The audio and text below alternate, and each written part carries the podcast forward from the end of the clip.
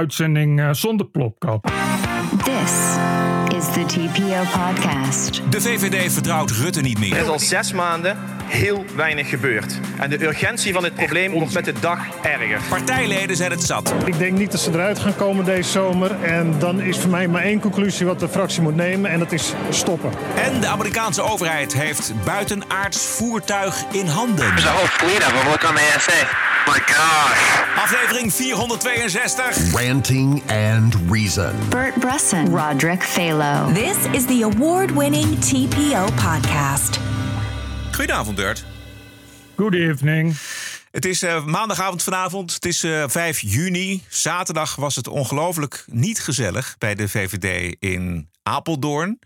Vraag is inderdaad eventjes of er überhaupt iets verandert. Maar het, het, het, meest, het was volgens mij wel het meest ongezellige VVD-congres uit de geschiedenis van de VVD. En ik kan het weten, want mijn vader is daar jaren naartoe gegaan. En niet alleen vanwege de bitterballen oh. en de Dixieland-muziek waar hij van hield. maar ook vanwege de gezelligheid. Ik heb het eventjes er allemaal teruggekeken. Eerst erelid Henk Kamp. Ik heb uh, geen geduld meer wat dit betreft. Het moet echt gebeuren nu. Om die asielinstroom in te perken hadden VVD-leden een half jaar geleden allerlei ideeën. Dit is een motie die uh, oproept tot het terugsturen van de veilige landers. Um, en bij landen die dan weigeren hun eigen onderdanen op te nemen, bijvoorbeeld met name Noord-Afrikaanse landen, om dan vooral ook nationale maatregelen uh, te gebruiken. We zijn met een groep die, uh, als we bij elkaar een stuk of vier, vijf moties over migratie hebben ingediend. En we zijn natuurlijk wel een beetje boos dat er gewoon helemaal niks mee wordt gedaan eigenlijk. Dat kan helemaal niet. De ontevredenheid en het ongeduld onder veel VVD-leden, waaronder mijzelf, die groeit wel. Ik ga een vraag stellen. Wat is er gebeurd met deze moties? En premier Rutte zit hier. En ik vraag hem, Mark, hier. Kom op voor je burgers, man. Bescherm je burgers. Nee, ja, je hebt, nee, niks. Niks. Dank u wel. Actie. Dank u wel voor uw vraag. Actie, precies. Als ik had geprobeerd om dat per se voor 3 juni dit congres rond te krijgen, dan had ik onverantwoorde risico's genomen met de stabiliteit van het kabinet. En ik denk nog steeds dat we er met deze coalitie uit kunnen komen.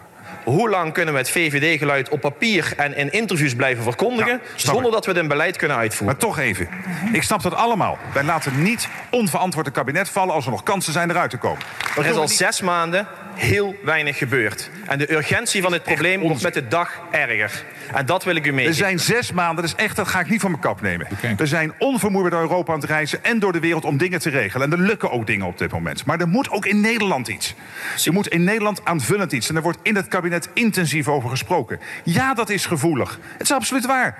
D66 en ChristenUnie denken daar in principe, in principe anders over dan een partij als de VVD of het CDA. Wie in Brussel moet jij overtuigen dat we alsjeblieft van die mensensmokkel afkomen? Ik hoef niemand in Brussel te overtuigen. En laten we waarom gebeurt het de fout niet maken het te hebben over ons en Brussel. Wij zijn ook Brussel. Wij zijn een Europese liberale politieke partij. waarom lukt het dan Dit land is een oprichter van de Europese Unie. Hou nou op over niet? ons en Brussel. Hou nou Heel op. dank, Mark, voor jouw gepassioneerde antwoord. Ja, gepassioneerde antwoord. Uh, ik ben niet overtuigd. Ik weet niet hoe het op de andere leden over is gekomen, maar ik ben niet overtuigd. Ik ben niet overtuigd. Ik denk niet dat ze eruit gaan komen deze zomer. En dan is voor mij maar één conclusie wat de fractie moet nemen. En dat is stoppen. Ze hebben wel gelijk. Nog steeds is er niks veranderd. En het enige wat hij te zeggen heeft is... Ja, maar ik heb heel veel gedaan in het buitenland en ik ben in Europa bezig. Maar ja, de afspraak met Marokko, zo bleek... vlak voor het VVD-congres uit onderzoek voor Nieuwsuur... die in 2021 al zijn gemaakt. Dus twee jaar geleden hebben nog steeds helemaal niets opgeleverd. Nee, precies. En wie merken dat? Dat merken de mensen in het land. Dat merken de mensen bijvoorbeeld in Ter Apel. Zaterdag een reportage op de website van de Telegraaf. Voor het dorp Ter Apel uh, is er weinig veranderd. Er zijn nog steeds eh, mensen die veel overlast ondervinden van veilige landers. En zolang dat zo is, dan is die sfeer niet goed. Daar moet echt wat aan gebeuren. Inbraken met name in, in auto's, in huizen. Uh, urineren uh, tegen de huizen aan, in steegjes. De grootste groep is een stad van spuug en spuugstad van waarin trapen gebeurt. De criminaliteit wordt uh, over het algemeen harder en, en meedogenlozer. De politie rijdt hier ook af en aan uh, met, met, dat soort mensen. Nou ja, dat kan niet. Moet je wat aan doen, maar er wordt helemaal niks gedaan. We worden niet gehoord, nergens mee. Hoe is de sfeer nu in Ter Apel op dit moment? Grimmig, heel grimmig. Ja, het is eigenlijk een uh, lopende tijdbom. Ja, we hebben vaker van dit soort eh, reportages laten horen. Bert, zaterdag zat er volgens mij, vrijdag zat er ook eentje Ja. in uh, Nieuwsuur, uitgebreid. Zelfs de Volkskrant uh, schrijft erover. Het is met geen pen te beschrijven. En, en, dat was mijn, eigenlijk mijn idee, gewoon als ik, als ik keek naar dat, naar dat congres, dat Rutte geen verhaal had. Dat uh, Sophie Hermans Exact. geen verhaal had. Ja, dat, dat lijkt me voor de hand liggen. Maar dat is, ik, Rutte heeft dus geen verhaal. Hij zegt dus van ja, maar ik ben afspraken aan het maken in Europa. Ik ben afspraken aan het maken in andere landen. Balkanlanden. Weet je, maar ja. En, het, en toevallig las ik vandaag, uh, lijkt het vooralsnog in Tunesië inderdaad ineens weer even goed te gaan. Wat ook te maken kan hebben met het weer. Het is al langere tijd behoorlijk slecht op de Middellandse Zee.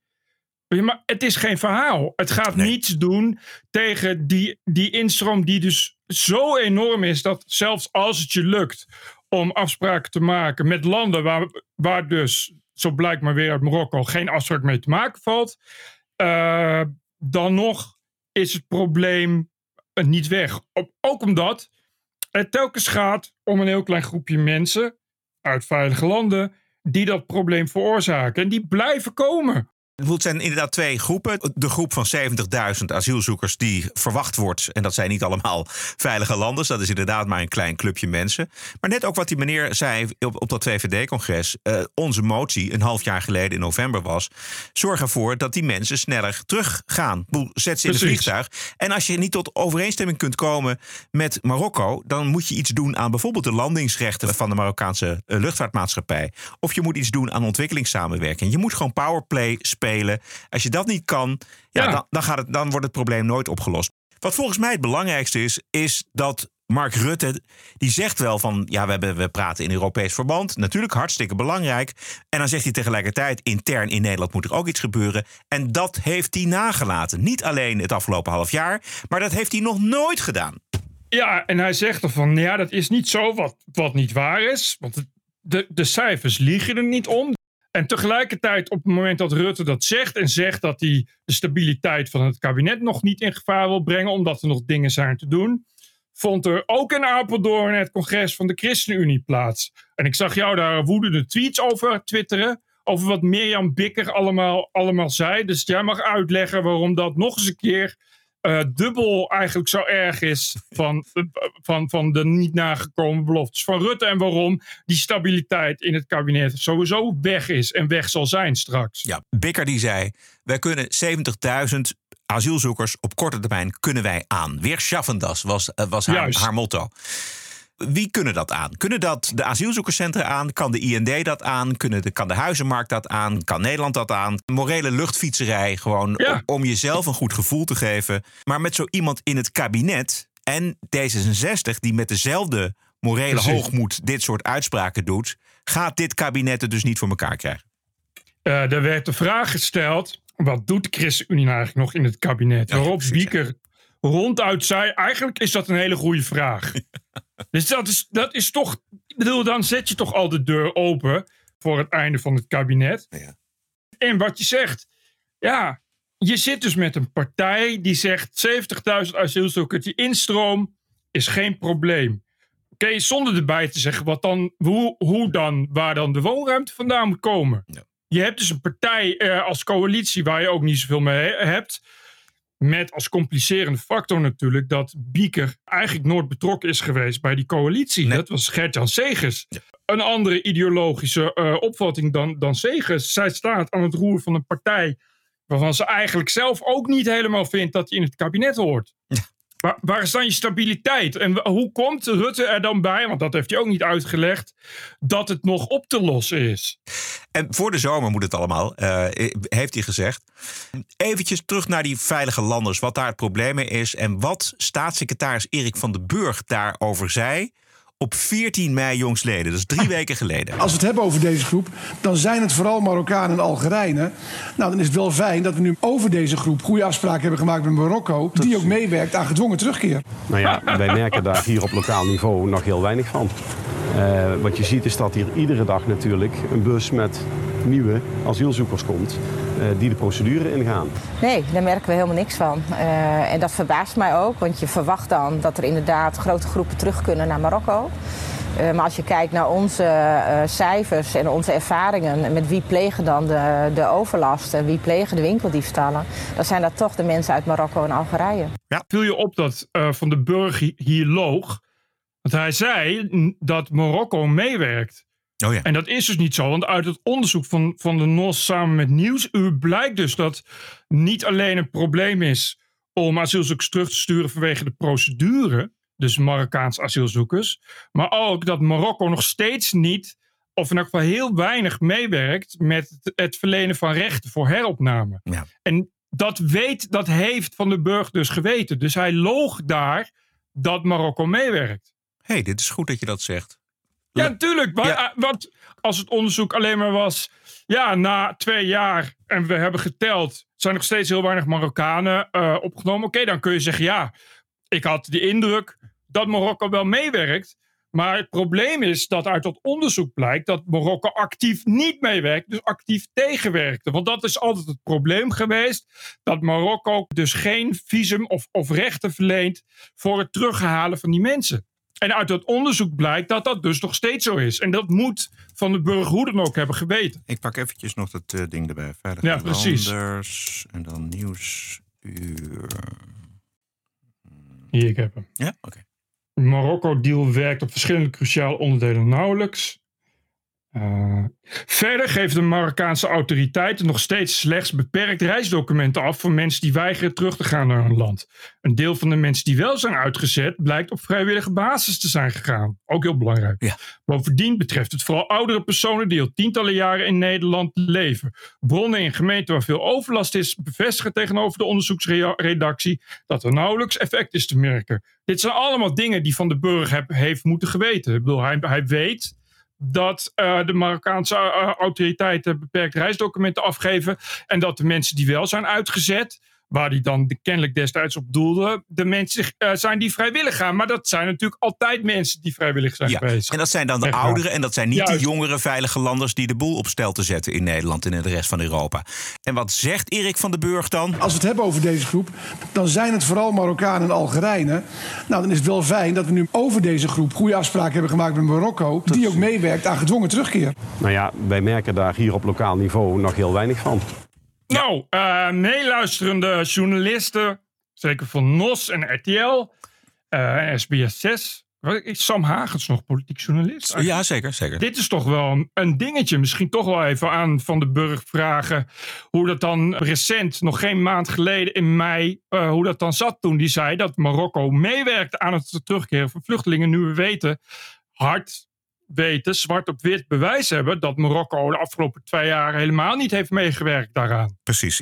Hij benadrukt dat de gesprekken met Marokko over de kwestie open en constructief zijn. Al twee jaar, al twee jaar uh, zijn de gesprekken open en constructief, maar werkt Marokko nog steeds niet mee aan, aan het terugnemen? Ja, precies. Terwijl hij op 14 mei beweert bij WNL dat er wel wordt meegewerkt. Ja.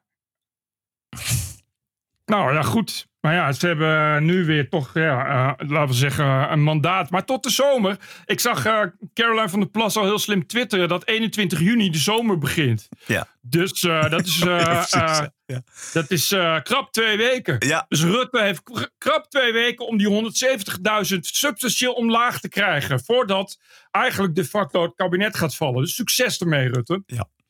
Even terug naar het congres van afgelopen zaterdag. De VVD-leden die uh, wilden ook heel graag weten waar dan precies de grens ligt voor de partijleiding. Weet je, als je dus inderdaad mm -hmm. uh, een coalitie hebt met D66 en GroenLinks. Wanneer zegt de VVD we trekken de stekker uit dit kabinet? Dit is een fractievoorzitter uit de provincie Limburg. Goedemiddag, mijn naam is uh, Teun Heldens, fractievoorzitter van de VVD in Pellemaas. En als ik Ruben dan hoor praten, dan denk ik... ja, de VVD is mijn partij, ik zit hier goed. Maar wat mij frustreert is dat ik al tien jaar het verhaal hoor waar ik het mee eens ben, maar dat het ons als grootste regeringspartij maar niet lukt om die immigratiestroom onder controle te krijgen. Het probleem is eigenlijk alleen maar erger geworden het afgelopen jaar. We hebben respijt gegeven als congres uh, de vorige, uh, vorig jaar november. En um, er is nog geen resultaat. En afgelopen maand in Waalre zei de premier... dit probleem lossen we op in dit kabinet of door nieuwe verkiezingen. En als ik inderdaad de collega's van de ChristenUnie hoor, dan heb ik mijn ernstige twijfels of Rutte 4 dit, dit kabinet het probleem gaat oplossen. Dus waar ligt de grens van de fractie? Heb ik jou goed begrepen dat als deze zomer geen fatsoenlijk pakket, pakket er ligt, dat de premier op de fiets naar de koning gaat voor het ontslag aan te bieden? Waar ligt nu die grens? Waar zeggen wij stop? Ja, en het antwoord van Sophie Hermans. De grens ligt daar op het moment dat er een pakket voor ligt, wij daar naar kijken, wij dat beoordelen en denken: dit is niet een oplossing voor het probleem, dit gaat niet die instroom op termijn naar beneden brengen. En daarmee bieden we dus geen perspectief. Daarmee brengen we dit land dus niet vooruit. Ik wil alleen oppassen dat we onszelf nu gaan zitten aanpraten. Dat, dat opstappen, dat dat een doel in zichzelf wordt. Dat dat de oplossing wordt voor dit probleem. En dat is het niet. Krijg je, ja, krijg je dat ja, weer? Ja, Dat- ja, ja, dat ze denkt zich, ja, ze denkt zich helemaal in voor haar vriend en baas natuurlijk, Mark Rutte. Echt. Bij elke crisis hoor je dat. Ja, maar we hebben een mandaat van de kiezer. En als we weggaan, wordt het probleem niet opgelost. Nee, maar als je blijft, wordt het probleem erger. En als je blijft, eh, je hebt een mandaat voor de kiezer om een specifiek probleem op te lossen. Ja, dan moet je daar iets aan doen. Rutte kwam nog met een drogreden van je welste aan om door te gaan met dit kabinet. Omdat het oorlog in Oekraïne is, zou het onverantwoord zijn om het kabinet te laten vallen. En daarmee, daarmee zegt Rutte impliciet natuurlijk dat verkiezingen in Nederland onverantwoord zijn zolang het oorlog is in Oekraïne. Dit is wel echt classic Rutte. Je, maar het is duidelijk dat het paniekvoetbal is. Ja. Het is duidelijk dat het, dat het een probleem is. En het probleem is natuurlijk heel groot, omdat we. Nou, de ChristenUnie. Het is natuurlijk, natuurlijk ironisch dat die op, op dat moment, op hetzelfde moment, in hetzelfde Apeldoorn ook een congres hebben. En waarin die Bieke dat soort dingen zegt. Eh, eh, en, en D66. Ja, dat moeten we nog maar horen. Maar ja, uit de peilingen blijkt dat een, een meerderheid, ook van de D66'ers, eh, iets aan die instroom wil doen. Dus het is eh, eh, spannend wat er gaat gebeuren als er een D66-congres is. Precies, hebben wij het überhaupt? Ja, hebben we het vrijdag uitgebreid over gehad. Vraag is wel of D66 zich daar iets van aantrekt natuurlijk. Want het zijn van die ongelooflijke moralistische mensen die dan vinden dat we de hele wereld moeten opvangen. Ja, maar het is een ledenpartij. hè? Ja, dat is als waar, ze, ja. als ze Ja. op een congres met een motie komen en ze stemmen voor, dan kunnen ze daar niks tegen doen. Althans, Nou dat is de bedoeling. Ja. En bij de VVD werkt dat dan anders, want die hebben natuurlijk ook moties aangenomen. Nee, daar is, eh, ik geloof, eh, met een krappe meerderheid, of, of, of 68 procent, inderdaad, waar echt een motie aangenomen om Rutte nog een kans te geven. Dus het, is, het gaat wel eh, middels stemmen. Ja. Maar als er een meerderheid is, ja, dan is er een meerderheid. Ja. We hebben het steeds over dat het een half jaar geleden is, dat hij iets beloofd heeft. Had hij ook beloofd. Maar die VVD'ers die zijn al 13 jaar teleurgesteld. Nieuwsuurverslaggever Arjan Noorlander over het geduld van VVD-leden. Je kan niet zeggen dat die leden ongeduldig zijn geweest. Juist op dat punt wat voor VVD'ers belangrijk is, het aanpakken van migratie, zie je al jaar na jaar na jaar beloften van Mark Rutte die die niet nakomt. Het eerste coalitieakkoord wat hij sloot. Inmiddels 13 jaar geleden, in 2010, kwamen de beloftes door de VVD in het coalitieakkoord. Effectieve asielprocedures, dus snel door de systemen heen. Opvang in de regio zodat mensen niet naar Nederland komen. En een beter terugkeerbeleid. Dat was de belofte in 2010. In zijn volgende kabinet, Rutte 2. Exact dezelfde belofte in het coalitieakkoord. 2017 hetzelfde. En ook in dit kabinet 2022 exact diezelfde beloftes. Belangrijk voor de VVD. Maar in praktijk heeft hij het allemaal niet waar kunnen maken, 13 jaar lang. Ja. Nou, daar ga je. Die VVD'ers die hebben iets om te klagen, jongen. En dat is een keurige partij. Nogmaals, ik weet dat vanaf, Ja. vanuit mijn eigen eh, familie. Maar deze Rutte die heeft natuurlijk een, een andere agenda. Zijn agenda is dat hij de rest van zijn leven premier wil blijven. Nou, hij wil het in elk geval afmaken, ja. De jongere afdeling van de VVD, de JOVD was er. En die voorzitter, eh, Michiel Suiker, die kwam met een ja, wat meer fundamentele kritiek op de koers van de partij. Een VVD die te weinig keuzes heeft durven maken. We begonnen er net over. Keuzes zijn voor de lange termijn. Laat je niet verleiden door het bezighouden met de coalitieinstanten over herverkiezingen. Durf als partij ten tweede nee te zeggen. De VVD durft geen nee meer te zeggen, want er is een beeld gecreëerd dat de overheid voor alles verantwoordelijk is. Maar de overheid is geen geluksmachine. En ten derde, het systeem is te complex geworden. De VVD heeft een overheid laten ontstaan die te complex is geworden. Want hoe kan het dat we in Nederland een systeem hebben dat je met een fulltime baan moet worden aangevuld met toeslagen om rond te kunnen komen? Ja. Juist. Dit is meer fundamentele kritiek op die partij. En dat, we laten het horen omdat die partij zo ver afgedreven is. Die, die onvrede onder die leden die komt niet voor niks. Die komt niet uit de lucht vallen. Die is niet het afgelopen half jaar opgebouwd. Die leden die herkennen zich niet meer in die partij. Juist. Het geduld is op voor die mensen. En ze hebben dus heel veel geduld. Daarom mag Rutte het nu nog een keer doen. Maar ja, weet je, het is wel. Eh, eh, het staat niet een half jaar voor, maar voor de zomer. Dat is, dat is de duidelijke lijn is voor de zomer. En dan is natuurlijk de vraag wanneer je zegt dat zomer is. Ja, augustus is duidelijk zomer. D66 begrijp ik, dat wist ik niet, maar die zeggen gewoon dat er helemaal geen asielcrisis is. Oh ja. Wat, wat echt totaal bizar is. Als je daar dan dus mee in een kabinet zit, hoe kun je dat dan ooit nog recht trekken? Hallucinant, vreselijk, ja. Ja. Tja. Ja.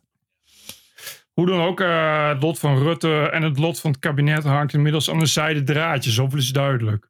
In de TPO-podcast op vrijdag, de Wokweek. Ook in de wiskunde valt nog genoeg te decoloniseren. Het absurdisme. You're an adult, grow up, deal with it. De terreur. Shit. En het verzet ertegen. This cancel culture is gonna end, end, end. De Wokweek in de TPO-podcast op vrijdag. Ja, aanstaande vrijdag gaan wij het ook hebben over de stront aan de knikker bij BNN-Vara. Want er gaat daar een, uh, notabene een documentaire over cancelcultuur wordt uh, gecanceld bij BNN-Vara. Wordt nu aanstaande donderdag uitgezonden bij Omroep Max. Uh, dan hebben we ook de documentaire gezien. Althans deel 1. En dan is het leuk om daar vrijdag over te hebben. Ja, ja ik ben heel benieuwd. Had je Kees Schaap nog gesproken? Nou, ik ken Kees uh, uit mijn Zembla-tijd. Ik heb hem niet te pakken gekregen. Ik blijf bezig. Want het zou mooi zijn om hem inderdaad te horen over wat er nou precies gebeurd is. Want de jongens van de, hoe heet die podcast? De Communicado's. Juist. Die kregen dat te horen, dus die hebben dat in hun podcast uh, verteld. Maar wij willen het graag uit eerste hand horen natuurlijk. Ja, ik, als het allemaal klopt, is het uh, een, een, vrij harde klap voor, uh, voor, voor de NPO wederom. Ja. Omdat het ook allemaal is gebeurd onder Suzanne Kunstler. En die lag al niet zo lekker. en die zouden vooral voor hebben gezorgd dat er ineens bepaalde dingen niet in de documentaire mochten. Ja.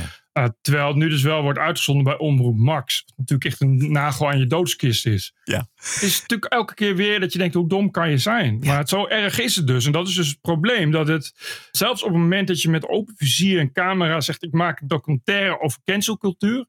Dat je dan toch tegen zo'n documentairemaker gaat zeggen: Oh nee, dit wil ik niet en anders cancel ik. Ongelooflijk. Ja. Weet, weet, je, dat, ik, dat, dat, kan dus echt alleen als je, als je door en door technocratisch bent. En wat dus precies het probleem is. Ja. Wat dus precies continu de problematiek is van de NPO. En ook dat, ook, dat is ook het commentaar. Want die kunstenaar, die heeft die voor.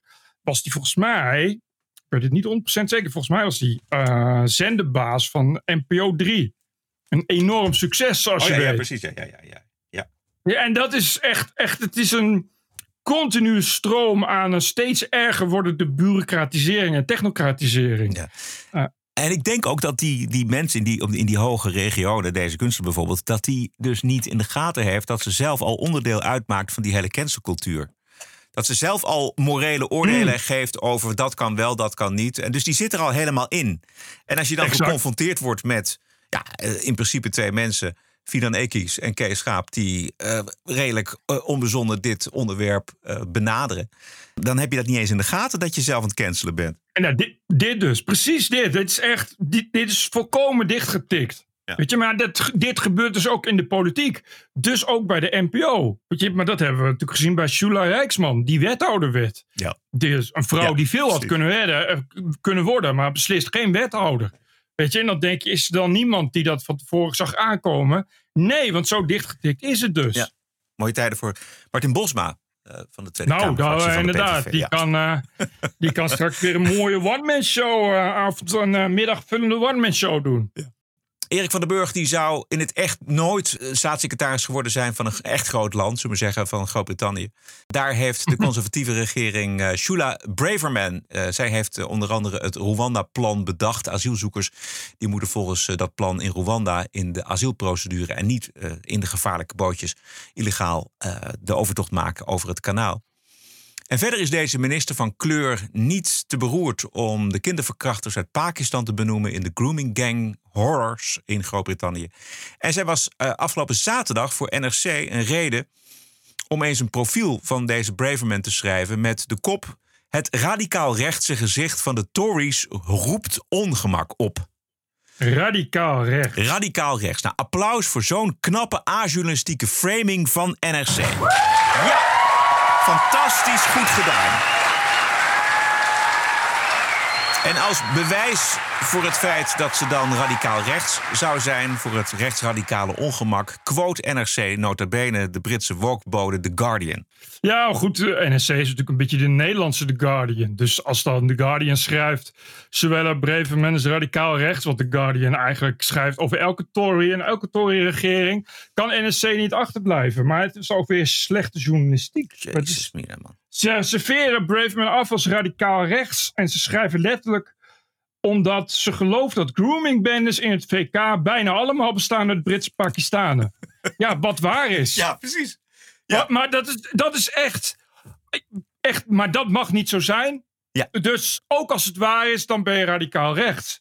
Een droevige uh, framing en een droevige exercitie in we moeten uh, Swelle Breveman bashen, want die is onaardig en een racist, want ze benoemt waarheden, namelijk dat de meerderheid van die grooming bendes, en dat kun je gewoon nazoeken, Telford, Rotterdam, al die enorme schandalen met al die duizenden slachtoffers. Het is toch ongelooflijk dat een krant als de NRC dit dus uh, niet eens checkt? Dus gewoon maar uit de losse pols een framing bedenkt en graag dit doet. Want wat was nou precies de aanleiding om, om deze ja. Shula Braverman uh, een profiel te geven? Het is een behoefte aan rechtsradicale framing. Get verdemmen. Ja, maar dit is NSC. Ja. Als, het, als het in NSC over Israël gaat, uh, uh, is het net zo.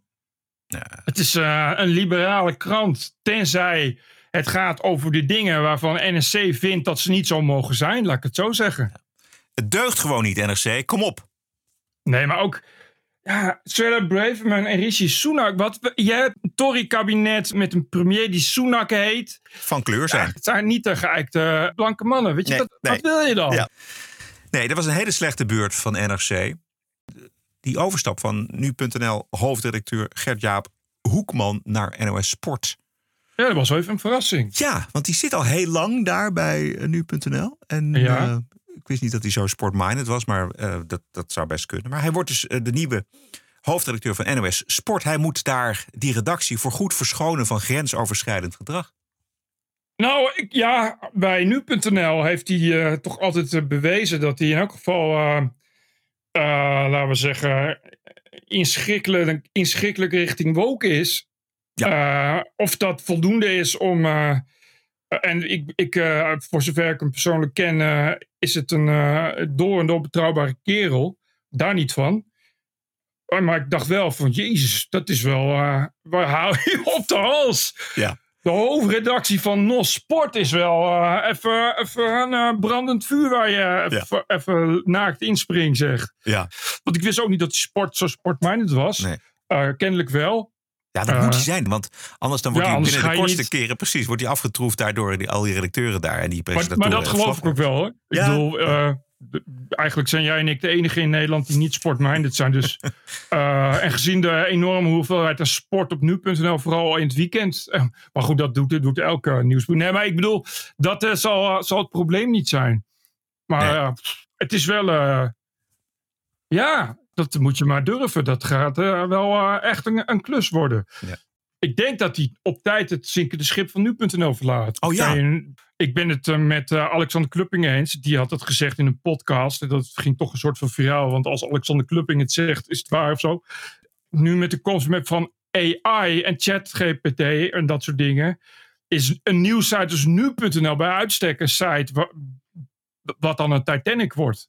Die want? heel rap kan gaan zingen omdat het geen businessmodel, omdat het helemaal uh, drijft op gratis bezoekers. En wat ik nu al zie in, in, in Bing en ook in Google is dat die, dat die AI's gaan uh, echt, echt snippets bieden. En wat je gaat krijgen in binnen nu een paar jaar is dat die AI's voor jou uh, op persoonlijke maat elke dag het nieuws leveren. Ja, ja, ja. Dus ga, ga jij niet meer naar die site toe. De content die nu.nl levert is gewoon exact dezelfde content die ChatGPT straks levert. Of die, en die AI straks levert. Ja.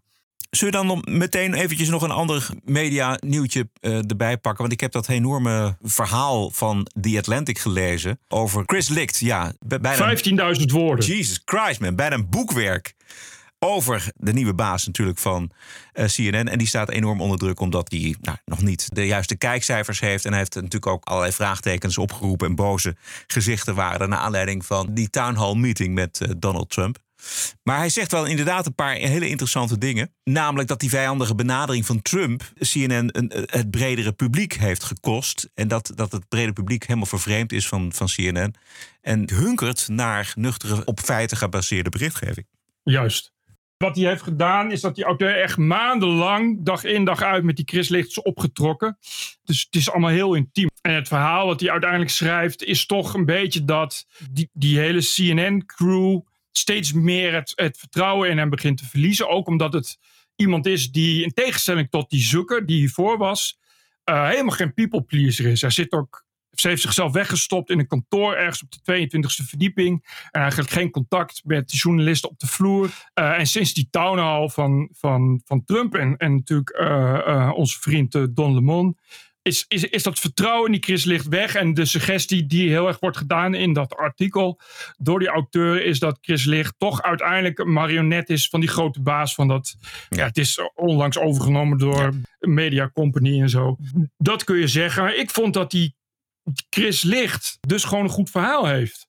En dat blijft hij ook volhouden tot aan het einde van dat artikel. En hij blijft zeggen dat de mensen gewoon weer terug willen naar nuchtere feiten. En ik denk dat ik er goed aan heb gedaan om Donald Trump die town te laten doen. Omdat ik denk dat die mensen uh, daardoor kunnen zien wie en wat Donald Trump is. Hij kan wel gelijk hebben, journalistiek. Het zou een zegen zijn voor de Amerikaanse media als er eentje uh, het ideologische midden opzoekt. Maar voor de rest is het nou ja, de vraag of hij dat gelijk krijgt. Hij heeft wel tijd nodig. En ja. de vraag is of, of hem dat wordt gegeven door zijn baas. En als hem dat wel wordt gegeven, denk ik dat het, om, dat het hem lukt. Maar omdat hij.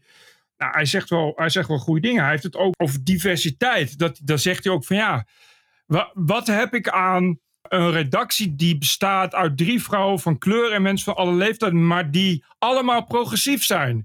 Wat ik wil is een redactie waarin uh, de mensen hun mentaliteit uh, divers is. Dus een redactie waar ook een streng gelovige zit en een, en een redactie waar ook een feminist zit. En dat ja. is natuurlijk iets wat totaal niet goed valt, want je merkt in het artikel heel erg dat uh, het gaat over Trump, want het licht die, die heeft natuurlijk de hele tijd over Trump was het moment waarop we ons moeten beroepen. Vanaf dat moment hebben we het eigenlijk fout gedaan. Dan moeten we op terugkijken, daar moeten we van leren. Ja. En wat je ziet, is dat zowel die auteur als bijvoorbeeld ook Don Lemon en, al, en een hoop andere ingewijden die worden geciteerd, die zeggen allemaal ja, maar Trump heeft ons gewoon gedwongen als journalist om partij te kiezen. Ja.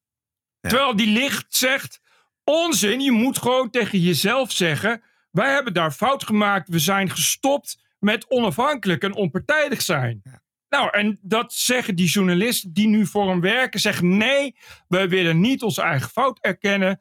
Wat Trump heeft gedaan, hij heeft ons gedwongen om het op te nemen voor die waarheid. En Don Lemon wordt geïnterviewd. Die heeft echt een hallucinant verhaal.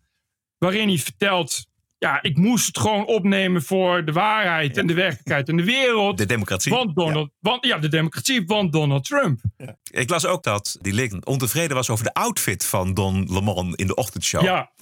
Ja. Uh, dat was uiteraard niet de reden om hem te ontslaan, maar uh, dat was natuurlijk de denigrerende opmerking over de Republikeinse kandidaat Nikki Haley.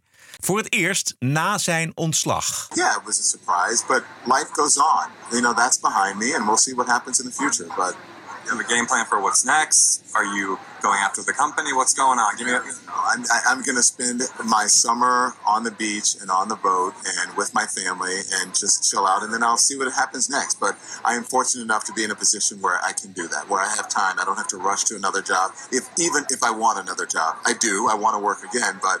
I'm lucky enough to be in a position where I don't have to worry about those things. You seem excited for a new chapter. I am excited for a new chapter because I think, you know, life is short. Is there anything you would have done differently looking back? No, I live my life with no regrets. I live my life with no regrets. Ja, het geluid is wat, uh, wat Natuurlijk. slecht. Ja, ja natuurlijk. Ja. No regrets. Bert Brussen, Roderick Balo. Ranting and Reason. This is the TPO podcast. Tot besluit van deze TPO-podcast. Een, eh, ja, het hobbyonderwerp van Bert en mij, zeg ik maar bij. Het is, het, ja, is er bewijs voor buitenaards leven? Een fascinerende vraag. Volgens een voormalige hoge ambtenaar heeft de Amerikaanse congres geheime informatie. waaruit blijkt dat de Amerikaanse overheid in het diepste geheim werkt aan een programma waarin onderzoek wordt gedaan naar een voertuig van niet-menselijke oorsprong. In die geheime documenten staat zwart op wit dat er supergeheime uh, programma's worden gerund. En in die supergeheime programma's wordt onderzoek gedaan naar voorwerpen en hele en halve voertuigen van niet-menselijke origine. Ja. Het ernstige is niet alleen dat dat, als het ook maar een beetje waar is, dat het dus bewijs is voor buitenaards lezen, leven. Veel ernstiger is, en dat is het grote probleem wat we nu gaan krijgen, is dat dit betekent dat eigenlijk al 80 jaar, misschien nog wel langer, het congres serieus informatie is onthouden, terwijl het congres onthoudt je geen informatie, die moeten daar toezicht op houden. Dus Ja. dat is nu eigenlijk eh, het grote verhaal. Het blijkt een wereldwijd fenomeen te zijn. Die, die, Ja. die, die Gray die zegt ook: het is niet alleen de Verenigde Staten Ja. die buitenaards materieel gevonden eh, eh, hebben en geborgen hebben. Maar dit, is, ja, dit speelt gewoon in de rest van de wereld ook. Zoals de bronnen zoals ze hier staan, is het, is het griezelig realistisch. Ja. Misschien het meest officiële nog wel eh, dat het Pentagon drie jaar geleden die opnames publiekelijk maakte. eh, van die Amerikaanse straaljagerpiloten die bewegende Ja. objecten zagen met snelheden die de, de mensheid nooit gehaald heeft en waarschijnlijk ook nooit zal halen. Zogenaamde tic-tac-incident in 2020. Laten we even nog luisteren naar een van die piloten. Dude, this is a fucking drone, bro. There's a whole fleet of them. Look on the ASA. My gosh. They're all going against the wind. The wind's 120 knots from the west. Look at that thing, dude. Oh my gosh, dude. Wow, look at that, man. Look at it fly. Ja, twee piloten dus die dingen eh, voor zich zien in de lucht die eh, niet kunnen. Gewoon qua gravity, qua snelheden, qua Ja. wind. Ja, super. eh, dit was 2017 en sindsdien is er, is er een hoop gebeurd. We hebben eh, vorige week, een paar dagen geleden nog, eh, was de eerste openbare vergadering van een officieel NASA-panel. Wat zich nu richt op, op onderzoek naar UFO's. Eh, ook een unicum. NASA heeft zich natuurlijk altijd verre verhouden van dat soort dingen. Ja. Eh, ja, weet je, het is dus een bombshell. Want Ja. als het wordt bevestigd, op welke manier dan ook. Als er straks echt serieus iemand van de overheid naar voren komt en zegt: Ja, sorry, dit is waar, dan. Ja, het is, dit is eh, het Watergate-schandaal is er niks bij. Alle complottheoretici. wel, eh, Deep de state. De, de X-Files was toch een beetje eh, waar, zou ik maar Ja, zeggen. Het zoals het hier staat, is het eigenlijk staat er dat het gaat om een staat in een staat. Het gaat dus echt om een kleine groep mensen die dat dan doen. ja. Waarvan niemand dus overzicht heeft. Als het bewijs is dat we niet alleen zijn, vind ik, dan, vind ik ook heel Ja, maar het is, het wereldschokkend. Ja. En dat is dus een reden waarom er altijd alles aan is gedaan om het geheim te houden. Nou ja, de TPO-podcast houdt dit voor de liefhebbers in de gaten. Niet onbelangrijk. Het hele verhaal op tpo.nl. Goed. Elke dinsdag, elke vrijdag online via je favoriete kanalen. Vergeet je abonnement niet voor de vrijdagshow. Want vrijdag is er ook een show. Hartstikke leuke show is dat. Met de Wokwerk. Heel veel andere leuke dingen. Ehm, iedere vrijdag eh, krijg je die dan voor maar 50 eurocent per aflevering. Niet te geloven. 4 euro per maand. Ga naar tpopodcast.nl. Kom je vanzelf op onze Petje Af pagina. En daar wijst de weg zich vanzelf. Heel veel dank. Stay cool. En tot vrijdag. TPO Podcast. Bert Brussen, Roderick Balo. Ranting and Reason. Beste podcastluisteraars, tot vrijdag. Podcasting is the TPO podcast in the Netherlands. Bert and Roderick. What a show. I'm telling you. Keep the show running. Go to tpo.nl slash podcast. Thank you.